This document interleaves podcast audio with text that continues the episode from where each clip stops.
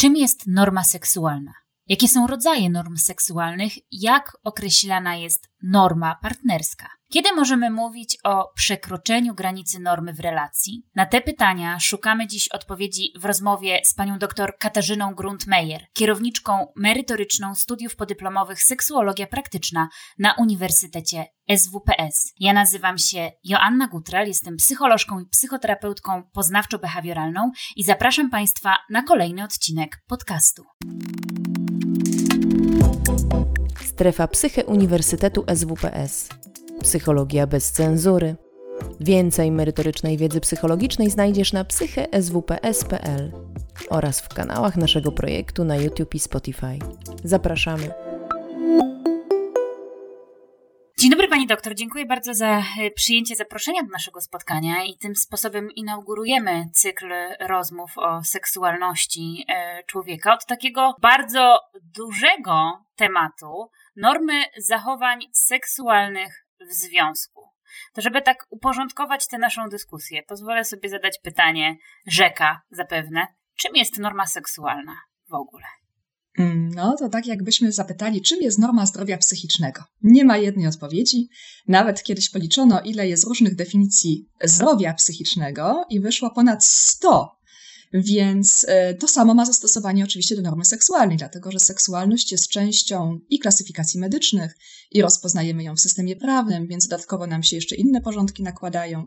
Można by przypuścić, że w zależności od tego, w jakiej części świata będziemy badać, będą różne pojęcia normy seksualnej. I e, oczywiście w związku z tym nie można powiedzieć o tym, że mamy jakąś E, normę, na którą wszyscy się zgodzą, na której definicję wszyscy się zgodzą.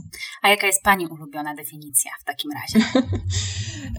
to jest dosyć skomplikowane, dlatego że e, moją chyba najbliższą sercu, aczkolwiek nie mam całkowitego przekonania co do całkowitej słuszności wszystkich jej elementów, jest norma partnerska, której twórcą był Kazimierz Mieliński, nasz wybitny polski seksuolog. E, ona e, tworzyła się w latach 70., co też warto zaznaczyć, bo 50 lat minęło i mam wrażenie, że cały czas w Polsce nie uznajemy pewnych jej elementów. A na tę normę składają się takie elementy jak pełna zgoda, przyjemność, dojrzałość e, i nieszkodzenie sobie i społeczeństwu u dojrzałych, dorosłych i świadomych uczestników danego zdarzenia. No i pojawia się tutaj problem, ponieważ Miliński zakładał u obu uczestników, co było na, na tamte czasy bardzo mm, nowatorskie, dlatego że e, nie określono płci. Co oznacza, że zachowania, które jeszcze wtedy były przez klasyfikacje medyczne rozpoznawane jako zaburzone, czyli homoseksualność, u Imielińskiego już zaburzone nie były, o ile odbywały się za pełną zgodą, poinformowaniem i bez szkodzenia sobie i społeczeństwu ale obecnie mamy na przykład związki poliamoryczne. No i nagle się okazuje, tak, czy, czy swingowanie, że mm, ci dwaj partnerzy to już nie jest wystarczająca definicja dla naszego rozumienia normy, więc przy drobnych modyfikacjach można by tę normę rozszerzyć, tak, o każdą konfigurację seksualną od jednej do wielu osób, w której biorą udział świadome swoich konsekwencji, bez przymusu e, osoby, e, i nawet byśmy pomin pominęli w tym momencie ten y, argument z przyjemności. To nie musi się odbywać dla przyjemności. To może się odbywać dla innych motywów, na przykład bliskość, okazanie miłości, chęć spróbowania czegoś, eksperymentowanie niekoniecznie zastawieniem na to, żeby mieć konkretnie rozumianą przyjemność erotyczną czy seksualną. To jakie w ogóle jeszcze mamy inne rodzaje norm seksualnych? Wspomniała Pani o tej e, partnerskiej. Zastanawiam się, co na przykład na to ma do powiedzenia medycyna. No właśnie, w medycynie mamy dwa obowiązujące duże systemy e, i kilka pomniejszych. Jeden z nich to jest DSM, amerykański system diagnostyczny, drugi to jest europejski ICD. E, I w obu tych systemach mamy z, jasno zdefiniowane zaburzenia seksualne i wszystko to, co jest e, niespełniające tych norm, kryteriów w tych zaburzeniach, możemy określić jako no, w jakimś tam sensie problematyczne. E, te zaburzenia seksualne dotyczą dwóch sfer. Pierwsza to jest sfera wykonaniowa, czyli na przykład ktoś nie może uzyskać odpowiedniego podniecenia do aktywności seksualnej, albo ktoś nie może uzyskać orgazmu, albo ktoś ma bardzo szybko wytrysk, albo ktoś nie może uzyskać wytrysku. Tak? Więc tutaj mamy jedną sferę wykonaniową, a druga sfera dotyczy bardziej norm społecznych e, i to jest sfera tak zwanych zaburzeń parafilnych. E, czyli ktoś czerpie przyjemność z podglądania innych nieświadomych tego osób. Ktoś nadużywa osoby niepełnoletnie, osoby z niedorozwiniętymi cechami płciowymi, tak? czyli dzieci. Ktoś inny e, lubi się ocierać albo wykonywać sprośne telefony do osób, które sobie tego nie życzą. No więc te zaburzenia parafilne e, mają w sobie ten element niekonsensualności, element braku prawdziwej zgody. Nawet w przypadku pedofilii, gdzie dziecko nawet może wykazywać jakąś chęć do kontaktów seksualnych, nie ma elementu prawdziwej zgody, gdyż dziecko nie jest świadome konsekwencji, jakie wiążą się z tym aktem i jest w sytuacji zdecydowanie podrzędnej, czyli e, jest duże ryzyko tego, że działa pod presją, e, że nie zdaje sobie sprawy z tego, w jakim kontekście odbywa się dana czynność, co będzie jej efektem i tak. E, więc w wielkim skrócie, dysfunkcje seksualne to są zaburzenia które uniemożliwiają aktywność seksualną wąsko rozumianą i do tego pewnie jeszcze przejdziemy, bo tutaj mam dużo zastrzeżeń do tej, do tej sfery klasyfikacji, e, i parafilie, czy też zaburzenia parafilne, bo same parafilie nie są problemem. Parafilie, czyli niecodzienne upodobania, obecnie w DSM są rozpoznawane jako norma, czyli może pani na przykład mieć ochotę uprawiać seks w bardzo nietypowych miejscach, e, albo może ktoś mieć ochotę y, zakładać bardzo specyficzne ubranie, przebierać się na przykład w strój płci przeciwnej albo zawsze kochać się w stroju klauna. Wszystko w porządku, o ile partnerzy się na to godzą, tak? I nikogo to jakoś nie, nie boli, nie, znaczy boleć fizycznie nawet może, bo masochizm też już jest normą, o ile jest chciany, tak? I za zgodą obojga partnerów, czy też wszystkich partnerów. E, natomiast tutaj problemem oczywiście w zaburzeniach parafilnych jest brak e, prawdziwej konsensualności, brak świadomości osób uczestniczących w kontakcie, e, bądź brak zgody tych osób. Dużo rozmawiamy o takich kontekstach kulturowych, historycznych. Wspomniała Pani o definicji z lat 70., która już jest w pewien sposób nieprzystająca do związków poliamorycznych, chociaż była bardzo postępowa jak na lata 70. Te normy zmieniają się tak jak słyszę, dość dynamicznie, a jednak wciąż budzą duże konsekwencje. Co mieści się w normie, co nie mieści się w normie. W takim dyskursie społecznym, czasem politycznym, jaka jest ta dynamika zmian? Jak one powstają? Jak one ewoluują? To jest super fascynujące zagadnienie, dlatego że dzięki właśnie normom seksualnym możemy zaobserwować zupełnie inne sfery e, historyczne, e, pełne różnego rodzaju przekonań dotyczących dobrego funkcjonowania człowieka. I wystarczy sobie wybrać jedno zaburzenie, ja biorę w cudzysłów zaburzenie, jeden akt, jedną własność człowieka, która była niegdyś patologizowana, obecnie nie jest, albo vice versa. Tak? Niegdyś była uważana za Y, akceptowalną obecnie z trudem jest uważana za akceptowalną, żeby zobaczyć, jak zmieniają się te zupełnie pozaseksualne normy i wpływają na ocenę życia seksualnego. Możemy wybrać sobie kilka takich sztandarowych. Jedną z nich będzie na przykład szybki wytrysk. Y, obecnie w klasyfikacjach nawet zmienia się nazwa z przedwczesnego na szybki co już samo nam pokazuje, tak, że coś zaczyna się odblokowywać, że może już za 20 lat w ogóle nie będzie takiego zaburzenia w klasyfikacjach. Natomiast historia jest sama w sobie fascynująca. Weźmy sobie na przykład XVIII wiek. Szybki wytrysk nie był problemem, o ile para mogła spłodzić dzieci. Natomiast istniało w XVIII wieku przekonanie, że dopiero poprzez ruchy frykcyjne, poprzez długi stosunek, pobudza się kobiece ciało w taki sposób, że ono wyzwala jajeczko.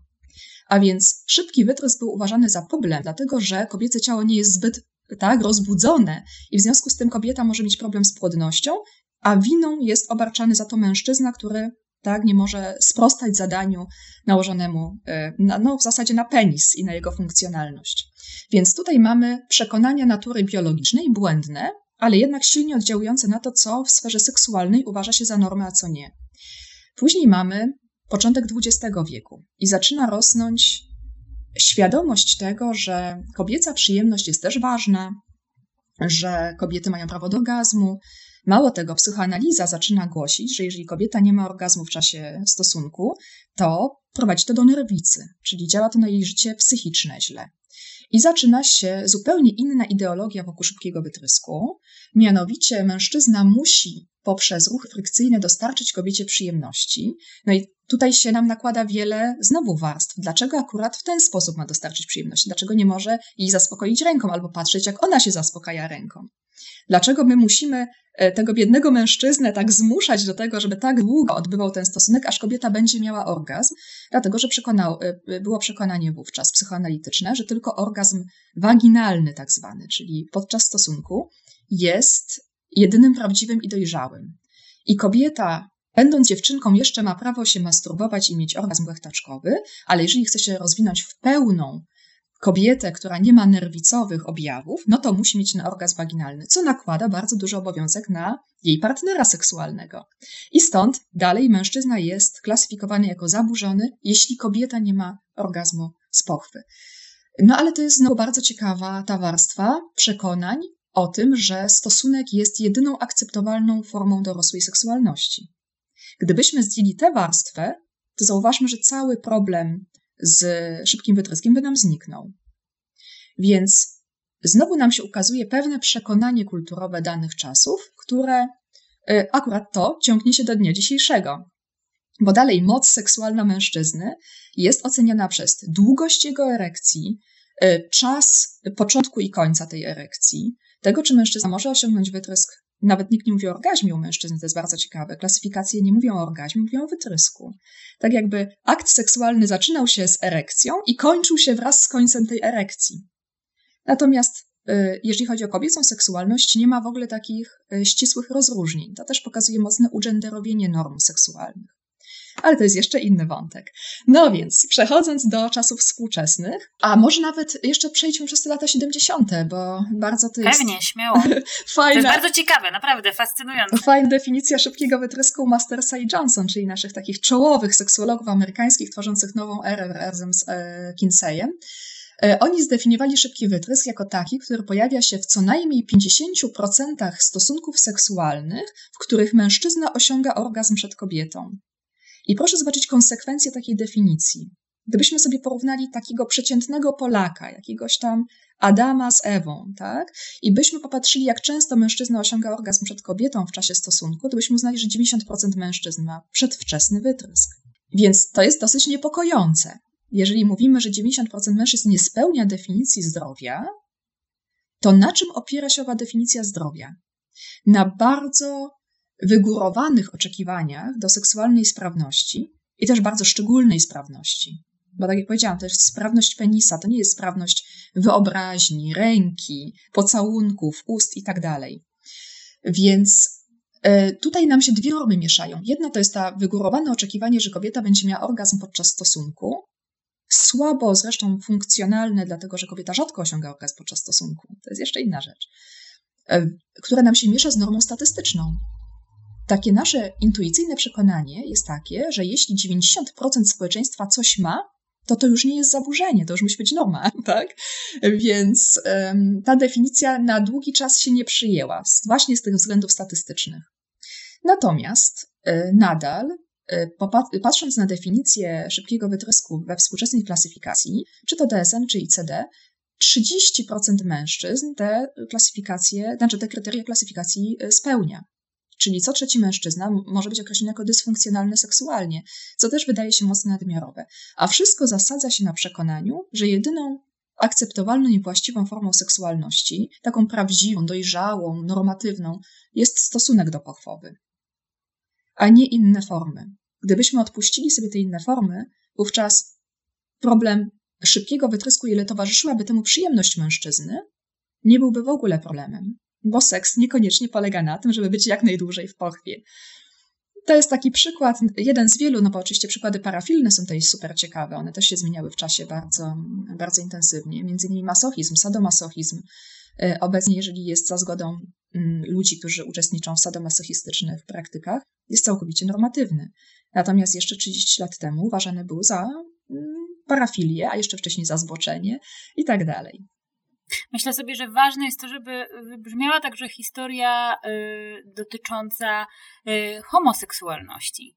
Kiedy nastąpiły te zmiany, przecież też były uważane y, jako zaburzenie. Homoseksualność, tak samo jak zresztą nasza współczesna, ten zbiór dysfunkcji seksualnych jest oparty o założeniu, że jedynym normatywnym aktem seksualnym jest stosunek kobiety-mężczyzny. Tak? Stosunek pani z pochwa, a nie inny. Więc e, tutaj e, to wszystko wynika ze wspólnej historii. Jedna e, z takich ważniejszych wartości, która tutaj nam wchodzi w grę, to są normy religijne, oczywiście. I normy religijne miały ogromny wpływ na sferę definicji zdrowia seksualnego, także współczesną, i dalej mają swoje delikatne odbicie chociaż ono, tak jak powiedziałam, rozpuszcza się w zasadzie z każdym nowym wydaniem klasyfikacji. A więc coś, co było niegdyś grzechem, zostało w pewnym momencie, to jest mniej więcej XVIII-XIX wiek, zaczęto przekuwać to w zaburzenie psychiczne. I miało to wtedy moc emancypacyjną. Oznacza to, że na człowieka nie można było pokazać palcem i powiedzieć, to jest grzesznik, to jest osoba, która jest niezbawiona. Teraz już można było, to jest ten przełom XVIII-XIX wiek, powiedzieć, to jest biedny, chory człowiek, który wbrew swojej woli, tak, bez względu na to, jak się stara, nie może uciec od swojego przeznaczenia, to przeznaczenie jest zapisane w jego ciele. Więc z jednej strony to było wyzwolenie. I to od czegoś takiego naprawdę dojmującego, co nakładało poczucie winy, co nakładało odpowiedzialność. Teraz zdejmujemy tę odpowiedzialność. Ta osoba jest chora, nie jest odpowiedzialna za swoje postępowanie czy za swoje preferencje. Ale oczywiście to jest kolejna klatka. Jeżeli jest chora, no to może byśmy ją wyleczyli. No i zaczyna się cała historia szukania leczenia dla homoseksualności. Um, Przedziwne są to historie. Jedna z historii to jest na przykład, że szybka jazda na rowerze potrafi le- wyleczyć z homoseksualności. Nie wiem, czy tu chodziło o jakiś nie wiem, kontakt z siodełkiem, czy, czy co. W każdym razie takie intencje były. Były próby przeszczepu jąder od zwierząt, które się wydawały takie samcze, czyli na przykład byków. Tak? No nie kończyły się one zbyt dobrze, jak się domyślamy w erze, kiedy jeszcze ani higiena nie była zbyt duża na, na oddziałach e, chirurgicznych. No ale to nie, było, nie, nie było sensu, były po prostu odrzucone te przeszczepy, a ludzie umierali. Jedna z moich ulubionych metod leczenia, ulubionych, bo efekty były wspaniałe, to było szprycowanie testosteronem homoseksualnych mężczyzn, bo wydawało się wówczas, że oni są tacy zniewieściali, więc jak im się doda męskiego hormonu, to natychmiast przerzucą się na kobiety. Więc okazywało się, że ci na szprycowanie testosteronem homoseksualni mężczyźni rzucali się jeszcze bardziej na mężczyzn, no bo po prostu ich pożądanie rosło. Więc to była najbardziej nieskuteczna tak, terapia homoseksualności, jaka miała miejsce w naszych czasach, bo była wręcz kontrskuteczna. E, no później oczywiście mieliśmy metody behawioralne, awersyjne, mieliśmy psychoanalityczne, rozkminianie tego, y, z kim się identyfikujesz, a dlaczego nie y, ze swoim ojcem, tylko ze swoją matką, y, zakładanie traum z dzieciństwa, zakładanie oziębłych ojców, którzy byli tak chłodni, że ten mężczyzna potem w dorosłym życiu, bo oczywiście wszystko się kręci wokół mężczyzn, lesbijki płci dużo mniejsze zainteresowanie. O tym też, dlaczego to za chwilkę. E, no więc e, mężczyzna, który nie zaznał miło miłości swojego ojca, miał szukać tej miłości u dorosłego innego mężczyzny. E, miał zbyt symbiotyczny związek z matką i tak dalej. To wszystko się okazało nieprawdą, oczywiście, te wszystkie założenia jak pokazuje teoria testosteronowa, ale też jak pokazują badania, które ostatecznie doprowadziły do depatologizacji homoseksualności i wykreślenia jej z DSM, e, czyli badania, e, w których przedstawiano psychoanalitykom profile psychologiczne oparte o testy plam atramentowych.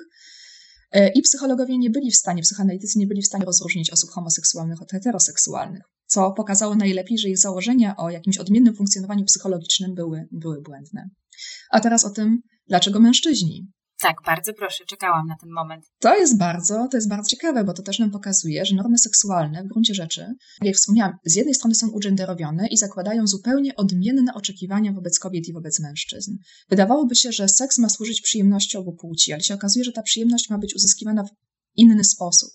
Mężczyzna ma być inicjatywny, aktywny, ma wykazać się sprawnością. Kobieta ma być receptywna, ma być dostępna i otwarta. Jak popatrzymy na definicję dysfunkcji seksualnych, no to z czym ma problem mężczyzna? Z tym, żeby zainicjować akt seksualny, żeby rozpocząć mm, tym penisem aktywność i skończyć tym penisem aktywność. Kobieta natomiast ma być wilgotna, ma być chętna, ma być podatna na to oddziaływanie mężczyzny. Nie ma nic o aktywności kobiet w klasyfikacjach medycznych. Nie ma nic o tym, że one same mogą dostarczyć sobie czy partnerowi przyjemności. One są otwarte, mężczyźni dostarczają. No i teraz przechodzimy do męskiej e, homoseksualności. Dlaczego ona jest taka mm, problematyczna, a ta kobieca była mniej problematyczna? Kobieta może być otwarta i receptywna nawet wtedy, kiedy jest, e, ma inne preferencje. Jej ciało ma reagować. Natomiast ciało mężczyzny nie zareaguje na bodziec, który jest inny niż jego preferencja. To jest pierwsza rzecz. Albo zareaguje dużo trudniej, musi włączyć fantazję i tak dalej. E, druga rzecz, e, najbardziej to, co bolało część konserwatywnych osób homoseksualności męskiej, to to, że mężczyźni sprzeniewierzają się męskiej roli w społeczeństwie. Że stają się właśnie otwarci i receptywni. Czyli, że to oni są nie tymi aktywnymi agentami, podmiotami, którzy kogoś penetrują, tylko że oni dają się penetrować. To jest, i to mówię w zupełnie symboliczny sposób, nie tylko w sposób zupełnie fiz, fizyczny, tak, ale w taki sposób, że oni przeczą, czy niejako ym, zdradzają swoją płeć, zdradzają znamiona dominacji mężczyzny nad kobietą, sami stając się niemal jak kobiety. Stąd ta męska homoseksualność, zwłaszcza w formie pasywnej, była niezwykle źle widziana i do tej pory są kultury macho, kultury głównie Ameryki Południowej, gdzie w ogóle nie ma problemu z tym, żeby mężczyzna miał stosunek z innym mężczyzną, o ile jest stroną aktywną, a nie stroną pasywną. Jak jest stroną pasywną, to to jest źle oceniane. E, a kobieca seksualność z natury pasywna, a niech już te kobiety coś tam mają, dopóki penis nie jest zaangażowany, to nie jest ważne, tak? To jest to założenie, że do prawdziwego seksu potrzebny jest penis w stanie erekcji i cały czas nam to będzie się w kółko kręcić w tych normach seksualnych. To co teraz się dzieje w normach seksualnych? Jakbyśmy mieli spojrzeć na dnie dzisiejsze, jakie są trendy, prognozy, e, w jakim kierunku to zmierza? Zmienia się bardzo dużo. E, o pierwszej rzeczy już wspomniałam, czyli wykasowanie bardzo dużej części parafilii i określenie ich jako po prostu niecodzienne upodobania w zakresie normy. A więc wszystko, co jest za zgodą dorosłych osób, bez presji, jest w tym momencie normą seksualną. Ale nie powiem, żeby wszyscy się z tym zgodzili. Bo jak popytamy nawet współczesnych psychoanalityków, to znajdziemy e, tam osoby, które twierdzą, że masochizm czy sadyzm nigdy nie jest normatywną preferencją, bo świadczy o jakimś głębokim zaburzeniu psychologicznym. E, I znam takie osoby, tak, ponieważ badałam polskich seksuologów. Ta, ta praca jest właśnie w trakcie opracowanie do publikacji. E, są tam niezwykle e, duże rozbieżności w tym, jak rozumie się przebieranki, fetysze, sadomasochizm, czyli wszystko to, co już w klasyfikacji rozpoznają jako normę, ale niektórzy seksuologowie jeszcze nie. I przypuszczam, że gdyby osoba z takimi skłonnościami, albo na przykład z poliamorycznymi skłonnościami trafiła do takiego seksuologa, seksuolog szukałby bardzo głęboko, co spowodowało tę dziwność u tej osoby, a potem próbowałby tę dziwność leczyć. E, więc to się zmienia. E, mamy rozluźnienie e, przekonań co do tego, co jest właściwe, a co nie. One już nie są narzucone przez jakąś wizję wywodzącą się z wczesnego chrześcijaństwa, czyli na przykład, że są niewłaściwe otwory w ciele, tak, których nie można używać do celów niezgodnych z naturą czy przeznaczeniem. A wiadomo, co jest naturą i przeznaczeniem. Tylko i wyłącznie reprodukcja. No, ostatecznie małżonkowie mogą oddawać się sobie po to, żeby powściągać swoje żądy i żeby nie doszło do gorszego grzechu, jakim jest rozwiązłość pozamałżeńska, tak? Więc tutaj no, ostatecznie możecie uprawiać seks nie w celu reprodukcji, tylko po to, żeby się uchronić przed większym grzechem. No i to stopnio, stopniowo zaczyna nam z klasyfikacji umykać. Druga rzecz, która się zmienia, to jest stosunek do kobiecej seksualności. Najlepiej te zmiany widać na przykładzie kobiecego pożądania, gdyż w klasyfikacjach już nawet słowo pożądanie zaczyna być stopniowo wycofywane i zastępowane słowem zainteresowanie seksualne. A wynika to z bardzo intensywnych dyskusji na przestrzeni ostatnich 20 lat, e, w których zaczyna, zaczynają się badacze zastanawiać, czy można mówić o kobietach, które nie mają spontanicznego pożądania, jako o kobietach zaburzonych. Tak było do DSM-4, tak było do ICD-10, gdzie jeżeli ktoś nie miał fantazji seksualnych, nie miał ochoty na seks, nie przychodziło mu do głowy inicjować e, kontaktów seksualnych, to mógł być określony, jeżeli sprawiało mu to cierpienie albo partnerowi cierpienie, to, to mógł być określony jako osoba o obniżonym pożądaniu seksualnym. E, ale mniej więcej e, w 2000 roku Rosemary Basson, to jest kanadyjska badaczka, pokazała badanie, z którego wynikało, że bardzo duża część kobiet nie tylko nie ma tego spontanicznego pożądania, ale nawet nie mając go, ma bardzo udane życie seksualne. I teraz z czego to wynika? Jak można mieć udane życie seksualne, nie mając w ogóle ochoty na seks, takiej spontanicznej? Okazywało się, że te kobiety przystępowały do aktywności seksualnych różnego rodzaju.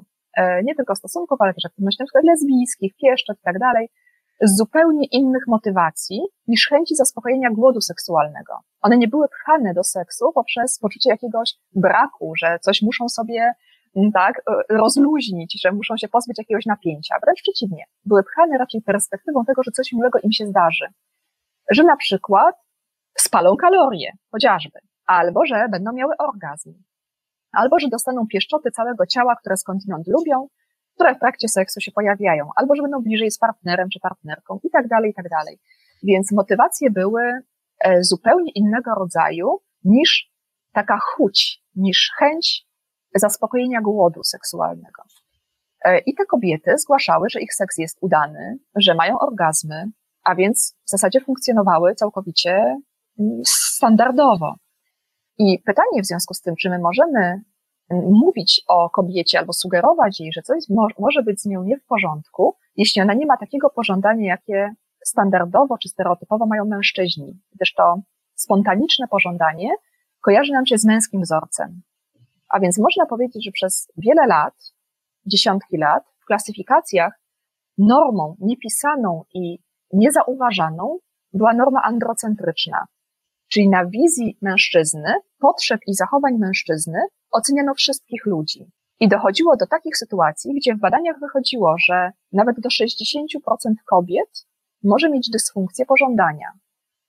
A polegała ona na tym, że kobiety skarżyły się, że z czasem trwania związku ich ochota na seks jest mniejsza, albo że jest mniejsza niż ochota partnera, co jak teraz widzimy z badań, jest zupełnie normatywne. To znaczy, u kobiet y, i mężczyzn ochota na początku związku na seks jest taka sama, ale z czasem spada szybciej u kobiet.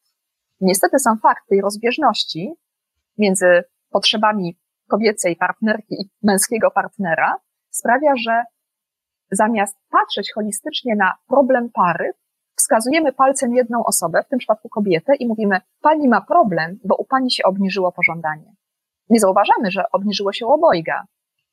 Tylko targetujemy tę osobę o niższym pożądaniu i mówimy, ha, mamy takie coś jak oziębłość niegdyś, a, albo obecnie hipoaktywne pożądanie seksualne, tak? I mówimy, z panią jest coś nie w porządku, panią trzeba leczyć. Problem jest taki, że nie ma czegoś takiego jak leczenie obniżonego pożądania, dlatego że obniżone pożądanie jest czymś normatywnym w relacji. Ja mam taką myśl dotyczącą związku norm z stereotypami, bo powiedziała Pani o tym, jak te normy zmieniają się na przestrzeni czasu. One są także powiązane z takim kontekstem społeczno-kulturowym, także religijnym. A mam takie poczucie, że jednak e, te ślady tych norm e, sprzed lat wciąż są obecne w stereotypach, przez które postrzegamy różnego rodzaju zachowania, osoby, e, pewnego rodzaju właściwości, czy właśnie to, o czym Pani wspominała, dotyczące e, pożądania e, u kobiet. W jaki sposób my możemy tak proaktywnie konfrontować swoje myśli i przekonania dotyczące norm seksualnych. Nie każdy z nas jest przecież badaczem e, i nie pisze książki w zakresie seksualności czy e, publikacji. E, skąd możemy czerpać taką wiedzę? W jaki sposób my się możemy adaptować do tych norm, które, jak rozumiem, mają w pewien sposób nam służyć, a nie wycofywać z aktywności seksualnych? No to jest bardzo dobre pytanie dla osób, które nie chcą uczestniczyć w jakichś szkoleniach, warsztatach czy pójść na terapię. No bo oczywiście to są pierwsze rzeczy, które przychodzą nam do głowy. I obecnie mamy bardzo dużo szkoleń rozpuszczających tego typu sztywne skrypty seksualne. My to nazywamy skryptami seksualnymi, czyli mamy w głowie jakieś przekonanie, że seks musi wyglądać w określony sposób. Te skrypty bazują na y, na przykład wizjach pornograficznych, że jeżeli mężczyzna nie ma takiego członka, albo kobieta nie zachowuje się w taki sposób, no to ich seks jest jakiś nieudany, nieciekawy i tak dalej. Więc pierwsza rzecz to jest rozluźnić sobie to przekonanie, że seks musi wyglądać w określony sposób. Nie musi. Tak? Więc tak jak w kuchni lubimy eksperymentować, tak samo powinniśmy eksperymentować z bardzo różnymi formami dotyku, bardzo różnymi kolejnościami wydarzeń seksualnych. To nie zawsze musi być tak, że to jest gra wstępna. Już samo słowo gra wstępna, zauważmy, jest pejoratywne, bo oznacza, że wszystko to, co y, typowej kobiecie przynosi przyjemność i doprowadza do orgazmu, jest traktowane tylko jako wstęp. do tego, co jest aktywnością seksualną, która tak naprawdę, jak widzimy z badań, przynosi przyjemność mężczyźnie, która jest preferowana jako droga do męskiego orgazmu, ale nie do kobiecego orgazmu. No więc pozbywając się tych przekonań o tym, że coś jest grą wstępną, coś jest prawdziwym seksem, że seks musi się zakończyć penetracją, albo że seks musi się zakończyć orgazmem, e, dajemy sobie dużo więcej swobody i dużo więcej radości. Kiedy możemy mówić o przekroczeniu normy w relacji? To jest e, pytanie z dwóch co najmniej poziomów. Pierwszy poziom to jest poziom psychologiczny, drugi to jest prawny. I od prawnego łatwiej zacząć, czyli na pewno e, problematyczne, bo kończące się po prostu złymi konsekwencjami prawnymi, tak? Będzie przekroczenie norm prawnych i te normy e, będą nam tutaj wskazywać seks pod przymusem, pod presją, wykorzystanie, oszustwo, e, seks z osobą poniżej 15 roku życia, e, o ile jest e, ta aktywność seksualna dokonywana z osobą dużo starszą, no bo też wiadomo, jeżeli dwoje trzynastolatków ma jakieś aktywności erotyczne, to nie jest e, tak, coś przez prawo zakazanego, więc te kwestie wykorzystania oszustwa i nadużycia są na pewno poza normą, jeżeli chodzi o system prawny. Psychologia by do tego dołożyła bardziej jeszcze subtelne rozróżnienia. Czy na przykład seks z dorosłą osobą, która jest w niekorzystnej sytuacji ekonomicznej i uprawia ten seks nie z własnej woli, czy nie, nie jest to jej preferowana aktywność, i nie ma tych przyjemnych motywacji, o których wcześniej mówiłam, tak jak Bason miała, tak, wymieniała te motywacje, a będę miała orgazm, chociaż nie mam ochoty na seks, to się zaangażuję, bo będzie mi dobrze z partnerem i tak dalej. Nie ma tych przyjemnych motywacji, ma raczej motywacje przeżyciowe. Jeżeli ja tego nie zrobię, to, to po prostu, tak, nie, nie będę miała co włożyć do garnka. To jest jeden z tych rodzajów motywacji, które, jak twierdzą terapeuci zajmujący się długo osobami, e, które całkowicie straciły ochotę na seks, jest jedną z przyczyn, dla których seks zaczyna się w ogóle źle kojarzyć. Nie jest już polem przyjemności, tylko jest polem jakiegoś obowiązku, tak? Więc wszędzie tam, gdzie się pojawia obowiązek, gdzie się pojawia presja we własnej głowie y, i wszystko jednoczone jest wywołane właśnie, tak jak powiedziałam, bardzo złymi czynnikami środowiskowymi, czy też jest to wynik jakichś przekonań, które zinterna, y, zinternalizowaliśmy. Na przykład nie wolno mi się masturbować, to jest grzech. Albo kobieta powinna, żona powinna oddawać się swojemu mężowi. To, to jest jej obowiązek.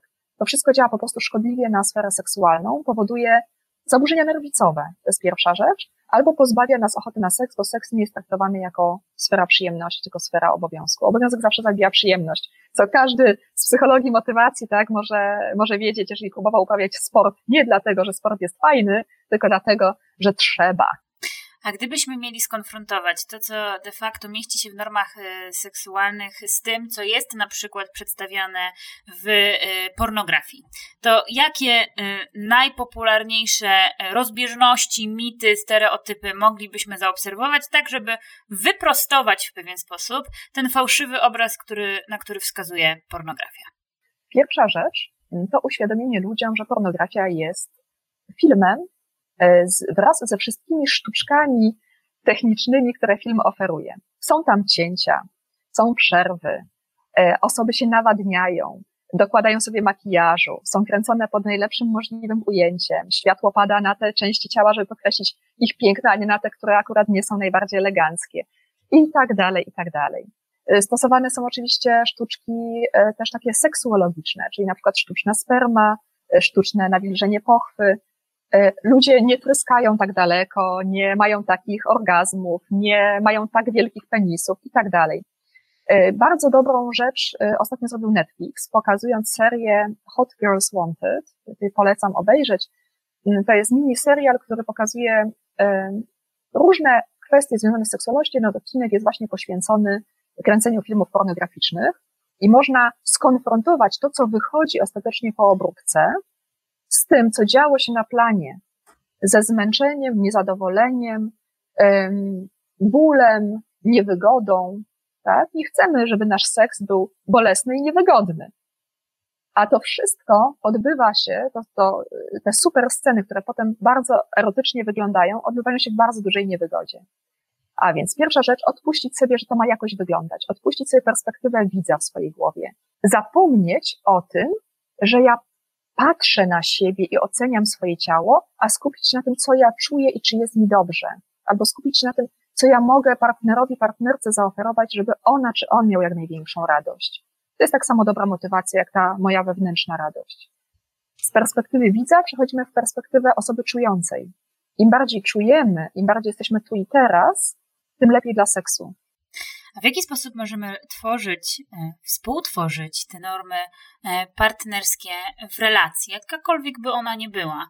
E, jakie są tak zwane protipy od eksperta? Jak możemy rozmawiać o tym, czego potrzebuję, co jest dla mnie ważne, kiedy z jednej strony naciska na nas stereotyp, z trzeciej strony wizja dotycząca seksu wyniesiona z filmów pornograficznych, nieznajomość norm, jak możemy też odkrywać własną seksualność e, i konfrontować ją w taki sposób, aby stworzyć takie wewnętrzne, osobiste e, normy w relacji? Po pierwsze, nie każdy lubi rozmawiać, i, ale to nie znaczy, że się nie komunikujemy. Komunikować się można na wiele sposobów. I dla niektórych osób wyjątkowo krępujące byłoby powiedzenie: Słuchaj, chciałabym, żebyś dotknął mnie tu, albo wsadził mi palec tu, albo tak, cokolwiek innego, ale zupełnie komfortowe może być dla nich poprowadzenie tej ręki dokładnie w to miejsce podczas aktywności seksualnej. Też nie ma z tym problemu, to też jest komunikacja. Więc e, już teraz przechodząc, bo łatwiejsza jest ta sfera słów do opowiadania słowami, tak ciężko nam tutaj w podcaście pokazać, jak można to zrobić ręką, jak można to zrobić ustami. E, przechodzimy do słów. Jednym z takich e, mitów komunikacji seksualnej jest to, że jeżeli ja powiem, chcę, żebyś zrobił mi to, albo o, jak mi to robisz, to jest dobrze, to wszystko będzie w porządku. To jest komunikacja na bardzo płaskim poziomie, jakby bez dewaluowania. Chodzi o to, że jest jeszcze głębszy poziom. To jest ważne, ten płaski poziom jest ważny, ale jeszcze jest głębszy poziom, poziom autentyczności, poziom powiedzenia, słuchaj, czuję się niepewnie w tej sytuacji, albo mam wrażenie, że bardzo chcesz seksu, ale ja dzisiaj nie mam na niego ochoty, tak? Może pomyślmy, co moglibyśmy zrobić, żeby nam obojgu było fajnie. To jest poziom odsłaniania się, pewnej wrażliwości, która sprawia, że ten seks nie musi być mechanicznym spełnianiem życzeń swoich czy innej osoby. I e, kiedy mówimy o komunikacji, zapominamy często o tej głębszej stronie, e, stronie wrażliwości, stronie tego, żeby powiedzieć, że czegoś się nie chce, albo że z czymś się czuję nieswojo, albo że z jednej strony chciałabym, z drugiej strony się waham, bo nie jestem pewna, jak to wypadnie, albo boję się, jak mnie ocenisz, kiedy ci o tym powiem. Czyli komunikaty faktycznie tu i teraz, komunikaty z wnętrza serca, a nie tylko z potrzeb ciała. I znowu, mając już to e, przepracowane, jeżeli umiemy mówić z głębi serca, a nie tylko z powierzchni na skórka, możemy przejść do tej powierzchni na skórka. Są różne fajne ćwiczenia, które pary mogą sobie, czy, czy zespoły ludzi mogą sobie e, aplikować. Są też dobre książki na polskim rynku. Na przykład Agnieszka Szerzyńska wydała ostatnio warsztaty intymności, gdzie mamy różne ćwiczenia, które można w bezpieczny sposób w domowym zaciszu sobie porobić. Jest na przykład takie ćwiczenie, y, w których pary wypisują, czy, czy różni partnerzy, bo to może być też osoba, która sobie wypisze, nawet jeżeli jest w danym momencie sama. Czego by chciała? Na pewno, bo już to zna i lubi. Czego by nie chciała, bo to budzi w niej w ogóle jakąś taką głęboką niechęć, a czego jest ciekawa, ale w ogóle nie jest pewna, jak na to zareaguje. I kiedy dzielimy się taką listą ta lista zresztą składa się tam powiedzmy z 50 pozycji, więc nawet nie musimy ich generować. Czasem nie mamy pomysłu nawet, że coś takiego moglibyśmy zrobić. Dzielimy się tą listą z naszym obecnym partnerem, to możemy popatrzeć, o, tutaj mamy cechy wspólne, to może byśmy dzisiaj spróbowali się związać, albo może dzisiaj byśmy spróbowali jeść z siebie i tak dalej, bo oboje tego chcemy a może byśmy spróbowali czegoś, czego nie jesteśmy pewni, czy będzie nam pasowało, ale z tym przeświadczeniem, że nie musi być super i nie musi nam się podobać. Fan będzie z tego, że razem czegoś spróbowaliśmy, możemy się potem śmiać z tego, że wyszło jak wyszło, jak w seks wypadkach w telewizji, tak? Kiedy pan roztopił wielkiego żelka na pani, a pani krzyczała it's hot, it's hot, tak? I nie chodziło jej o to, że to jest super sexy, niestety trafiła z oparzeniami do szpitala, ale potem śmiali się z tego, bo czegoś spróbowali razem i odważyli się na tę bezbronność, na tę wrażliwość, pokazanie prawdziwego siebie.